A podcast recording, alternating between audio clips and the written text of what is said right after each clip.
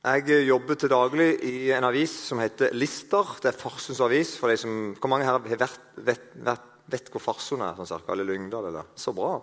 Jeg skal helse veldig mye for dere. Um, der jobber jeg som uh, jeg selger reklame for deg.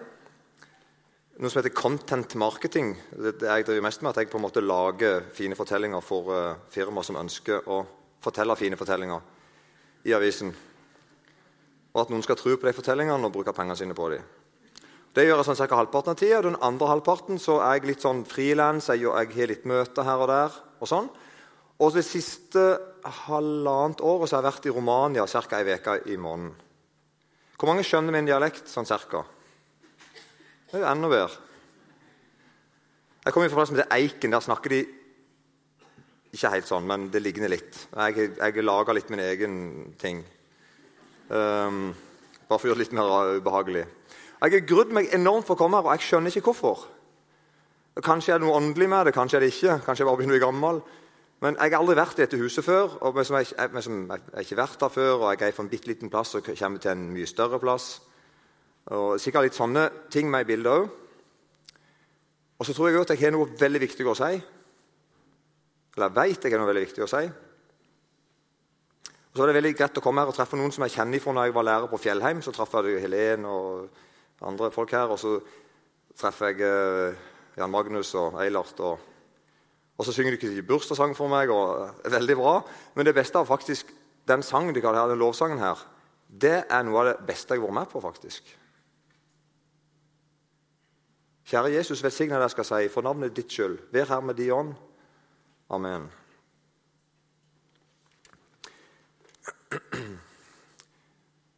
Ja, Tro og berg sjel. Dette på en måte tema fikk jeg. Tro og berg sjel. Bare, du bare blar litt.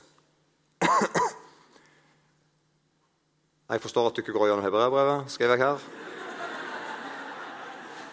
Uh, det var for å innlede. Jeg tenkte kanskje, kanskje ikke halvparten du ikke egentlig gjør det.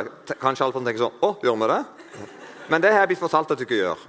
Og jeg har blitt fortalt hvis du blar videre, at du ikke både går gjennom teksten, men måte bruker noen temaer. Trenger ikke plent bare være teksten, men bruker noen temaer fra teksten. Hvis du blar videre, så um, tror jeg helt én slides til. Ja, Det er da det vi skal lese nå. Det er ikke så veldig langt, og det tror jeg vi skal lese. Og så er det temaet 'Tro og berg din sjel', og litt om på en måte frafall. Det er det jeg har fått uh, bestilt jeg skal snakke om. Og Hvis en da blar videre, så er det en bibeltekst på tre-fire sider. Vi leser den. Da står det sånn i Jesu navn Men tenk nå tilbake på den første tiden, den gang dere var blitt opplyst. Er dere med på hva han sier? Husk, husker dere hvordan det var i begynnelsen? Når dere ikke akkurat hadde blitt opplyst. Altså sett Jesus, sett evangeliet. Og så utholdt stor kamp og lidelse. Dels ble dere selv gjort til et skuespill ved spott og trengsler. Dels sto dere sammen med dem som fikk gjennomgå dette. For også fangene hadde dere medlidenhet med. Og dere fant dere med glede i at eiendelene deres ble revet fra dere. For dere visste at dere hadde en bedre eiendom, som var av ved. Kast derfor ikke bort deres formodighet, som har stor land. For dere trenger til tålmodighet, for at dere kan oppnå det som er lovt, etter at dere har gjort Guds vilje. For ennå er det bare en ganske liten stund igjen, så kommer Han som komme skal. Og han skal ikke dryge, men den rettferdige av tro skal leve. Og dersom han, dersom han undrer seg, dersom han undrer seg, har min sjel ikke behag i ham. Men vi er ikke blant dem som undrer seg og nå går fortapt. Vi er av dem som tror til sjelens frelse. Men tro er full visshet om det en håper overbevisning om ting en ikke ser. For pga. den fikk de gamle godt vitnesbyrd. Ved tro skjønner vi at verden er skapt ved Guds ord, så det en kan se, ikke er blitt til av det synlige. Bla en til. Eh, jeg må, ja. Ok, Forfatteren advarer mot å falle fra Gud. Og han minner om den første tiden.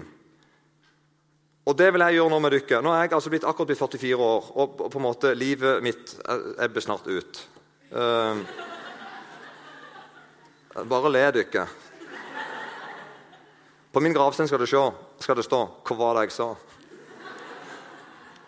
Eller ikke stå og glo. Jeg er helt sikker ennå. Men, men det er altså sånn at det går an å falle fra. Det er nummer én. Det går an å ha kjent Jesus, ha vært så nært han og så intimt med han at du har vært med på lidd for hans navn. Du har vært med og hjulpet andre som lidd for hans navn. Du har med glede latt de komme og ta PC-en din og sykkelen din, fordi du vet at jeg eier noe mye større der hjemme i himmelen. Helt ordentlig. Så, Bibelen snakker om at sånne folk som har vært der, kan allikevel en dag rote seg vekk. Det er veldig rart, egentlig. Jeg bare blar for min egen her, så jeg veit når du skal bla til neste. Og da vil jeg bare si litt om den første tiden min. for har, Det er mange sånne første tider. Nå skal jeg snakke om den siste første tiden min. Og det er, tror Jeg er sånn, jeg er veldig dårlig på dato, og sånn, men si det er for ett eller to år siden. Jeg tror det er to år siden. For å gjøre en veldig lang historie kjempekort, så møtte jeg Mihai fra Romania. Han drev og stjal øl i Oslo og, og solgte til ungdommer. og sånn at han hadde råd til å jobbe på mat på McDonald's, og så ellers gikk han og lette etter ting han kunne gjøre for å tjene penger. Så ble han tatt av politiet her i Oslo og ble veldig redd politiet, for det gikk ikke an å bestikke dem. De, de, liksom, de, brydde seg ikke om bestikkelser.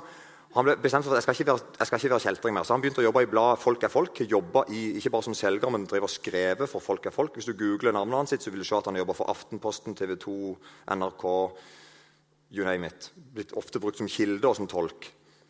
Han skulle være tolk for noen venner av meg, og så ble han interessert i Jesus. Han er sånn 28 år eller noe sånt. Så ble han interessert i Jesus, og så spurte da vennene, de vennene Jeg altså da noen venner, det var noen av disse 275 da, um, som spurte meg kan du være med og fortelle han mer om hva det vil si å følge Jesus og hva det vil si å være kristen. Og det sa jeg ja til. Og da begynte jeg på noe nytt. For det som skjedde var jeg da møtte han, Vi skulle møtes da i en nabobygd. Så kom han til Norge, og så bodde han, bodde han i Indre Agder, eh, der som jeg kom ifra. og så skulle vi møtes. Jeg hadde med noen folk i den huskirka der i går, og vi skulle hadde lagt opp en plan hvordan vi skulle undervise. Med egentlig en grei plan. Men veldig fort begynte han å spørre oss om ting. Veldig fort så spurte han tilbake på en engelsk som er akkurat like god som min. Det vil si helt grei. Uh, fungerer, Iallfall fungerte nå. Uh, og da, da han begynner å spørre om uh, hvordan lever dere? Hvorfor er det ikke hytter? Hvorfor er det ikke så fine biler? Hvorfor lever dere sånn? Og, er dere med? Han begynte å spørre spørsmål. Og jeg, jeg, jeg ble irritert. Jeg ble så irritert jeg viste seg, jeg selvfølgelig avslørte ikke at jeg ble irritert, så jeg ble trist. Jeg begynte å grine. Skikkelig feminint, egentlig. Men um, kan noen si. Men det funker. Um, sånn jeg, begynte, jeg, altså jeg, ble, jeg, ble, så provosert og så på en måte fornærmet at her sitter jeg og har liksom tatt fri jobben min for å lære deg om Jesus, og så sitter du her og lærer meg om Jesus. Det er forresten bildene. Jeg, altså, jeg er forfatter av Norges eneste kristne gattemagasin. Det er blitt solgt i Oslo, Bergen, Tromsø, Trondheim rundt forbi. Vi har solgt 21 000 eksemplar. Og Der forteller jeg fortellingen om han, om kona hans. Han gifta seg etter hvert. Og forteller litt om det prosjektet som er å drive og hjelpe deg med. Mihaine Grea heter han. For dere som noterer, så er det på side fire. Neida. Men uh, kan, jeg har noen eksemplarer av dem. Um,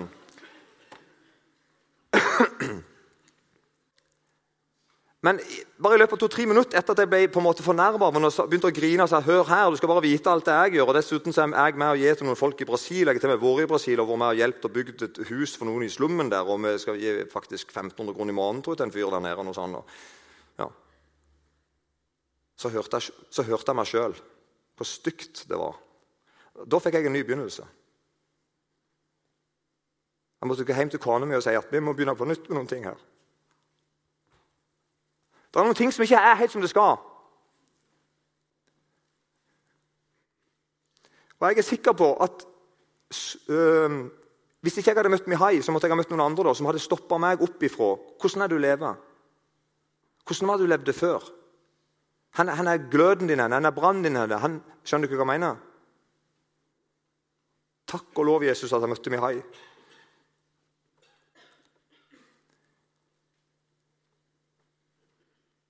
Og Det er egentlig det han her, fyren som ikke helt vet hvem er, som vi skrev i Hebreabrevet, sier. Husk på, Husker du hvordan det var denne gangen der, når liksom du ga alt for noe? Husker du det? Når du og vennene dine var der liksom, at jeg er villig til å følge deg Jesus hvor som helst, og stjel gjerne sykkelen min. og ja, jeg, jeg, skjønner ikke, jeg er, gjerne, jeg er villig til å lide for dette, til å blø for dette. her. Og da, det, det, som på en måte er viktig for meg å si, er at det er det som er det normale for en kristen. Det er ikke det unormale. Det er det som er normalsituasjonen for en kristen. At han har det sånn. At han vet det er sånn. Og så har jeg da noen spørsmål, nå kan vi utagere den her, men hvis du tar neste, da Ikke le hvis det ikke passer nå. Ja, jo, det her er veldig bra. Må jeg gjøre noe for ikke å falle fra Gud? er da mitt spørsmål. Er det ikke med? Handler ikke dette om nåde, at jeg får alt? Og Her begynner vi som forfatteren å Er du ikke med på spørsmålet mitt? Er det ikke nok å bare tro, da? Å ja, så du må med som, du som ofre ting her nå? Jeg trodde Jesus hadde ofra seg, og så var det nok med det. er det ikke med? Så setter vi opp med som en problemstilling, en fake problemstilling. Men han funker ganske godt. Må jeg gjøre noe for å ha samfunn med Gud og for å komme til himmelen? Er ikke nåden nok?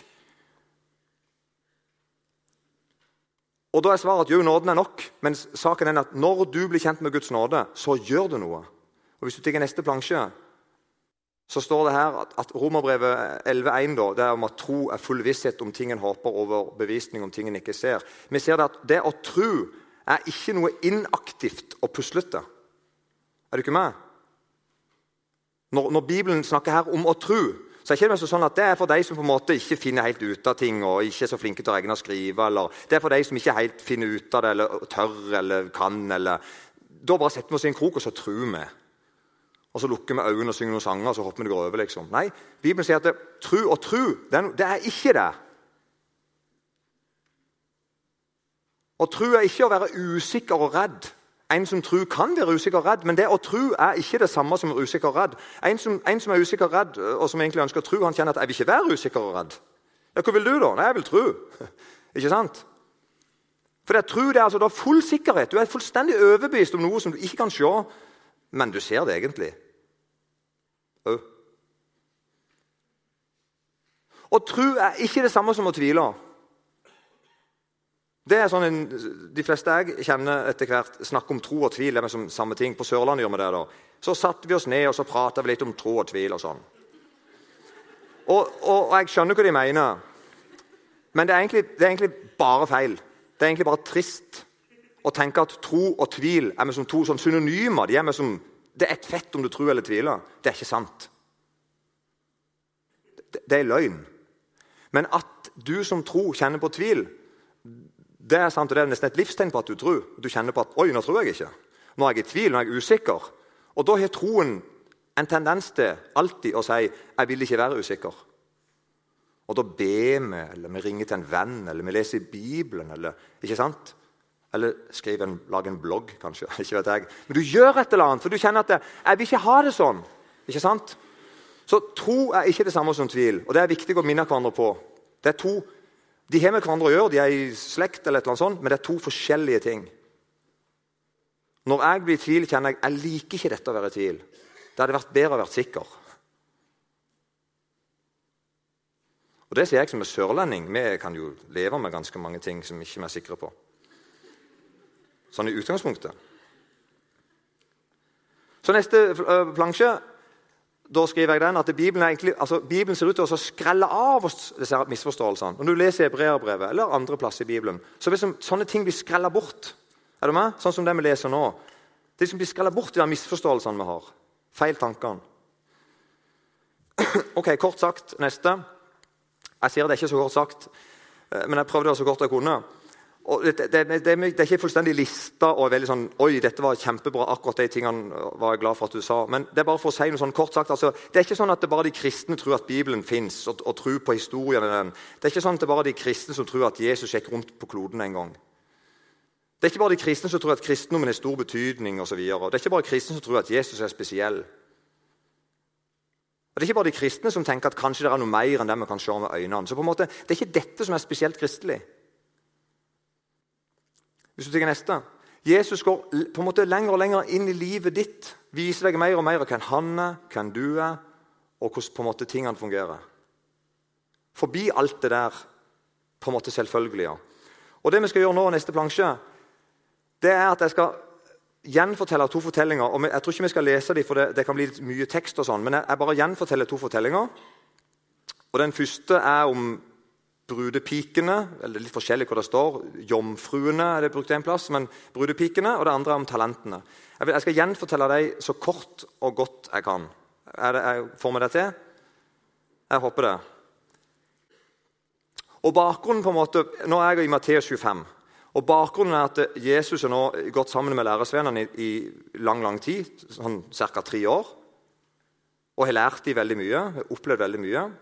Og så ser vi at undervisningen til Jesus i Matteus 20 på en måte, og når det ender seg 28 er jo siste kapitlet, der, der, skjer det veldig mye. Og, og Forkynnelsen, undervisningen til Jesus, den blir veldig prega av det. på en måte, at nå, nå, nærmer vi oss slutten. Nå skal jeg si noe viktig. Nå skal jeg si det viktigste. Hvis du tar en fram I Matteus 25, 1-13 så kommer den lignelsen om brudepikene. Og så Fra vers 14 og utover kommer det neste lignelse. De, de, henger sammen. Det er på en måte i én tale, om du vil. Og Nå skal jeg bare gjenfortelle denne fortellingen så godt jeg kan. Eh, kort jeg kan, at Det var altså ti jomfruer, eller brudepiker, som skulle gjøre en helt ordinær brudepikejobb, som ikke jeg kjenner til fra Norge. Men for dem var det en helt aldeles vanlig brudepikejobb. De fulgte bruden hjem til huset der hun var. Og så satt de egentlig bare der og venta på at brudgommen og hans sine venner skulle komme. Og Ingen visste hvor tid, for de hadde en fest, og de kom når de kom. En eller annen gang. Og Brudepikets jobb var liksom å ta imot når de hørte at brudgommen og hele hans sitt følge kom. ikke vel? Så skulle da brudepikene springe imot med lys og greier og hoi, hoi, hoi, og masse sånn fine ting skje da. Og de hadde en fest ute, tror jeg, og sånn, og resten kan du se på film. Uh, ja, men Det er sånn, det er sånn, det er sånn ennå i, i, i, den, i, den, kulturen. Men poenget er at, poenget er at når Jesus forteller fortellingen om de ti jomfruene, så er det en helt vanlig fortelling. De skjønner hva det går i. Mm, sånne, sånne, ja. Mm. Mange visste at sånn er dattera mi vært flere ganger. Sånn, sånn, det gjorde jeg da jeg var liten. Også. Det er en helt vanlig fortelling. Og Det rare i fortellingen er at det, fem av de gjorde jo at Det var bare én ting egentlig de skulle gjøre, og det gjorde de ikke. Veldig rart. De hadde ikke med olje i lampa si. Det var liksom Hele jobben deres var altså fyre med lys når de kom. Og så, og så, gjorde de ikke den ene tingen. Sånn at Når, når, når um, brudgommen og følgeren sitt kom, så står det i Bibelen at alle sov. Òg de der fem kloke som hadde tatt med lampe og olje. altså på en måte Ekstra batteri, om du vil. ikke sant? At de hadde nok til hele natta. Og når de da fem andre også våkner som ikke hadde med olje, så, de, så ser de at oi, nå får ikke vi gjort jobben nok, og Dette er jo fiasko. Forferdelig. Da spør de de andre fem venninnene sine kan vi få olje av dere. Og så svarer de nei. Og Det er jo veldig rart. For at, uh, Hvis dattera mi hadde vært brudepike og hadde kommet hjem og sagt at jeg, delt, jeg delte ikke olje med Vibeke, uh, venninna mi, så hadde jeg sagt det var ikke fint gjort. Hadde ikke du ikke sagt det? Glem å ta til Vibeke, sånn bare sånn prinsipielt. Er du ikke med? Sånn at det, hva er, hva er, det egentlig Jesus forteller i fortellingen? Han forteller at det, det er noen som ikke gjør det Det eneste de egentlig må gjøre, det gjør de ikke. Men de henger med de som gjør det, og ser ut som de som gjør det. Og de blir ikke avslørt før det smeller. De blir ikke avslørt før brudgommen kommer. Er, det, er du ikke med på poenget? Og den tingen de mangler, kan de ikke få av noen andre.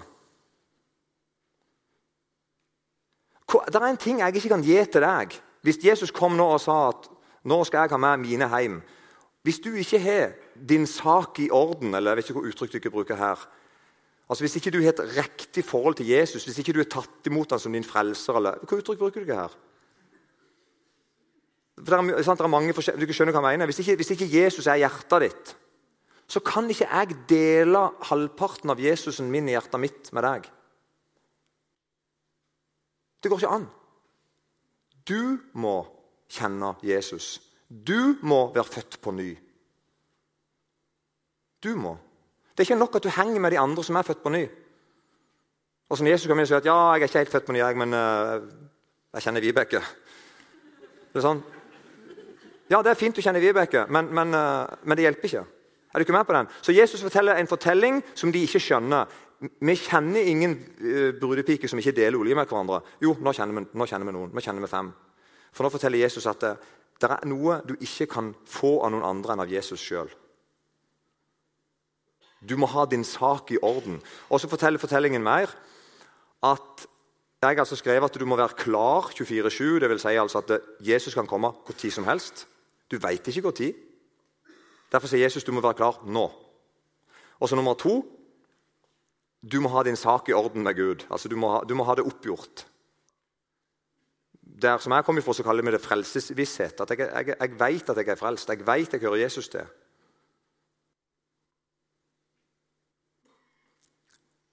Og så, Du kom ikke til himmelen på andre sin kristendom. Det syns jeg er godt sagt. Du kom ikke til himmelen på andre sin kristendom. Jeg skulle til å si takk og lov for det. Og så slutter da denne fortellingen i, i, som jeg nå, i kapittel 13, vers 13 med 'Våk derfor, for dere kjenner ikke dagen eller timen. Så Denne første fortellingen som jeg nå er ferdig med, den, altså, sitt poeng er Vær klar. Jeg kommer når du ikke aner det. Ha din sak i orden med meg. Er du med? Og så kommer fortelling nummer to, ei plansje fram. Om talentene så begynner man med talentene å si at med Guds rike sier, sier, Jesus, så er det akkurat som en forretningsmann som skulle reise utenlands. og Han snakker jo egentlig om seg sjøl. Han skal jo reise veldig utenlands, skal til himmelen. Så han sier, Det er som, som en forretningsmann som reiser utenlands, og som da deler sin eiendom med sine tjenere. Og Der slutter egentlig den logiske tingen i fortellingen. for Når han forteller hvor mye han deler ut, de der talentene de har en verdi på sånn 60-70 millioner. I, hvis en skulle regne om til våre penger. Altså Det er summer som vanlige tjenere aldri kan oppnå. Så Jesus forteller en fortelling om en herre som deler hele sitt rike med alle sine tjenere. Og så reiser han. Og så sier han 'jeg kommer igjen seinere'. Og så leser vi da at en fikk fem talenter, og en fikk to talenter og én fikk én talent. Og Alle de summene er sånn enorme summer. Altså Én talent er 20 årslønner, tror jeg, eller noe sånt, hvis det er i sølv. Og Hvis det er i gull, så er det noe sånn helt, enda mye mer. Men poenget er på en måte at det, alle fikk kjempestore summer ettersom Herren mente at de skulle ha. Og så kommer altså Herren igjen og så spør han da, hvordan gikk det med, forrett, hvordan gikk det med det eiendommen min. Sant? Har dere forvalta kapitalen jeg ga til dere? Og Da er jo de to første køene kjempeglade. Ja, ja, ja, jeg fikk fem av deg, her er ti. Sant? Han er dobla det. Jo kjempeglad. Og, og Jesus, Jesus, sier da Veldig bra, du tro og gode tjener. Du har vært tro imot lite, sier han. Lite, det var jo millionbeløp. da. Ja, ja. Men det er veldig lite i forhold til det han nå skal få, for nå skal han komme inn i himmelens rike. Er du med? Så for, for, Gud, på en måte, sett i perspektiv av å komme hjem til himmelen, så er de der millionbeløpene lite. Og Så kommer neste. da. Han fikk to. Ja, Hvor mye er det nå? Fire. Og han da òg. God og tro tjener. Kjempebra. Du har vært tro over lite. Nå skal jeg sette deg over mer. Himmelens rike er ditt. Evigheten er din. Og Så kommer han ene, og så sier han Jeg fikk ett talent av deg. Og jeg blei så redd. For jeg veit at du er en streng herre som lykkes med den forretningen du gjør. Du høster der du ikke sådde, osv. sier han, han sier jeg er klar over at du er en veldig god herre. Du er veldig flink og du er veldig stor, og, og dine forretninger går alltid bra. Veldig rart å si. Og derfor ble jeg redd. Rart, egentlig. Men det ligner veldig på sånn som jeg og deg er. Vi sier at vi tror at Gud er allmektig, og det er ikke måte på hva vi tror han kan. Men så er det vanskelig å tro likevel at han kan hjelpe akkurat meg akkurat nå. Men ok, Så han sier at, så sier han jeg ble redd, så jeg gravde ned talenten. Og der er det klart at folk på Østlandet da ler de at folk graver ned ting. Der, der som jeg kommer fra Eiken, så gjør vi det hver dag. det er fordi at vi ikke, vi er ikke safe. Eh, for altså, poenget er at det, det, var ikke rart at han gravde det ned. Det var egentlig bare en måte å, det en måte å virkelig trygge eiendom, eh, denne eiendommen han fikk. Så det at han gravde ned, betyr egentlig at jeg, jeg tok denne svære summen, disse 20 årslønnene, og jeg var livredd. Hva gjør jeg nå? Og jeg visste at han legger fotta. Han er en kjempedyktig forretningsmann. Han lykkes overalt. Jeg gikk og låste det inn i safen min og bare håpte det gikk godt. eller Jeg vet ikke hva han gjorde. Jeg gjorde bare det. Og når det nå kommer igjen, så sier han her, så sier han der uh, tjeneren Han sier da, tar pengene og så sier han, her har du ditt. Hører dere, det, var, det hadde aldri vært hans sitt, egentlig. Her er du ditt. Og Nå kjenner ikke jeg han mannen som dette gjelder, men det, det vi vet om han er at, det vi vet om er at å kaste den unyttige tjeneren ut i mørket utenfor, der skal de gråte og skjære tenner. Det vi skjønner er at Fordi at denne mannen ikke var villig til å være med i Guds rike, ikke ville, ikke ville, ikke ville være, være, med på i Guds rike, så gikk han fortapt.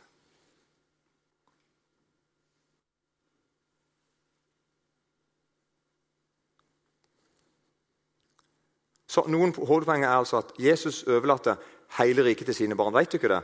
At du som hører Jesus til her inne, uansett hvem du er, uansett hvor gammel du er, hvor bakgrunn du har, uansett, så er du en av de som Jesus har gitt hele sitt rike til. Er du klar over det? Altså Han gir hele riket sitt. Det er ikke bare sånn så her har dere noe. Liksom sånn. Han, nei, Jesus sier her er hele mitt rike.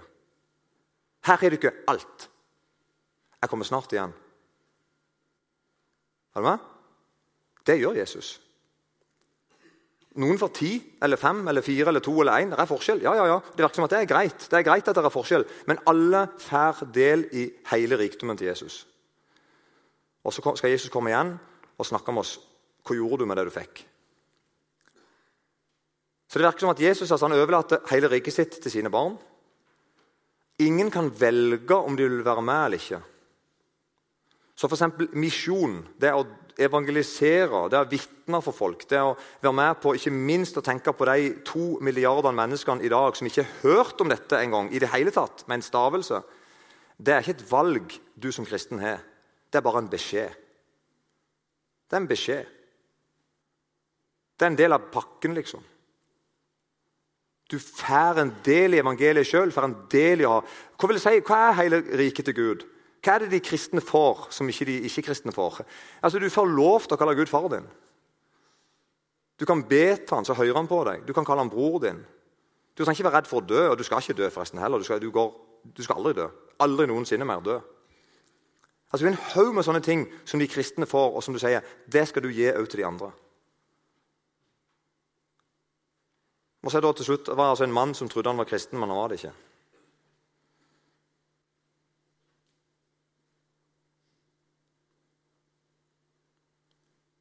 Hva har jeg skrevet på neste? Ikke sant? Ja, flott. Ett minutt igjen. Vi snakker ofte om det å tro på en farlig måte. Det er punkt nummer én jeg vil si, som jeg, som jeg opplever at jeg har sagt, som jeg har sagt, allerede sagt litt om. Er det ikke meg? Jeg opplever at vi snakker om tro som et eller annet usikkert, tvilende, gjemt borti en krok-greie. Og det er nok å bare gjøre det, på en måte. I stedet for at Bibelen presenterer tro som noe helt annet. Det er en visshet om noe. Det er en samfunn med Gud. Det er en åpen, det er en, du, er, du, er, altså overbevist om noe. Og du blir med i noe. Og Truen som er færre av Gud, gjør noe hele tida. Altså, du som hører Jesus til, du har Den hellige ånd i hjertet ditt, og han gjør noe jeg skulle til å si, om du vil eller ikke. Det går ikke an å være en troende og tro på Jesus og ikke ha gjerninger. Det sørger Gud for. Så Når vi sier at Paulus han sier at det bor ikke noe godt i meg, så er det jo et veldig feil sitat. Jesus, eh, Paulus han sier at 'i meg', komma, det vil si i, mitt, i, meg selv, eller det vil si i mitt kjød, komma, bor det intet, bor godt. Paulus er klar over at det bor noe godt i han. Gud bor der, med hele riket sitt.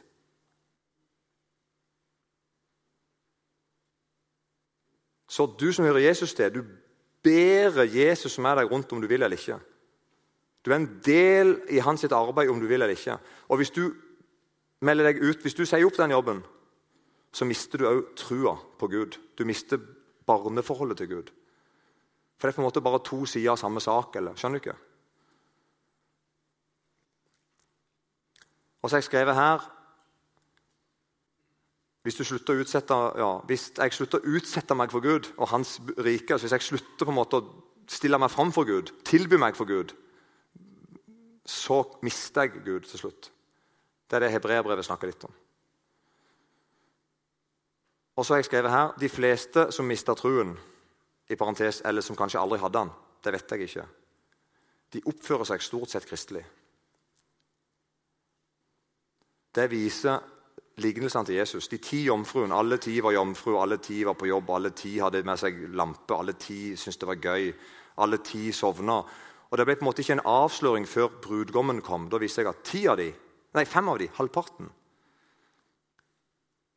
var ikke brudepike, egentlig. De var ikke på jobb. De bare, de bare så sånn ut. Helt til brudgommen kom. Og Det er det alvorlige for, for meg som er her. For når Jesus forkynner, så er det stort sett alltid til de som hører hans forkynnelse. Det er jo derfor han forkynner til dem. Så Når Jesus deler med menneskeheten i to, så er det stort sett han deler flokken av de som hører, i to. Den flokken som ikke hører, de hører jo ikke. Så de bare snakker han mer om og sier at de må du gå og fortelle. De må du gå og forkynne til. Men når Jesus deler flokken, menneskeheten, i to, så er det som regel at han tar bare den flokken som hører, og så blir den delt i to. Det er noen av de som bare hører og ligner på kristne, oppfører seg kristent, men er det ikke. Og En dag skal de bli avslørt. Og Det var det jeg skulle fortelle dere her i kveld. Det går an å falle ifra Gud. Det går an å være kjempekristelig i alles øyne utenom i Guds øyne.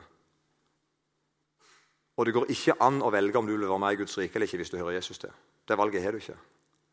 Heldigvis. Så er på en måte bare alle mann på jobb. Alle mann på dekk heter vel i en kjent barnesang. sørpå.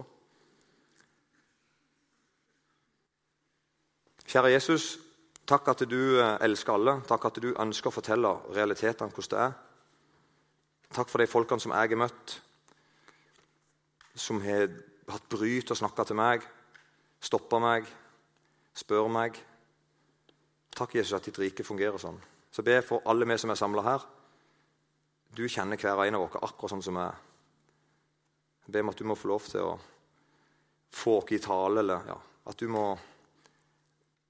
Jeg ber om at vi må være ærlige mot deg, iallfall.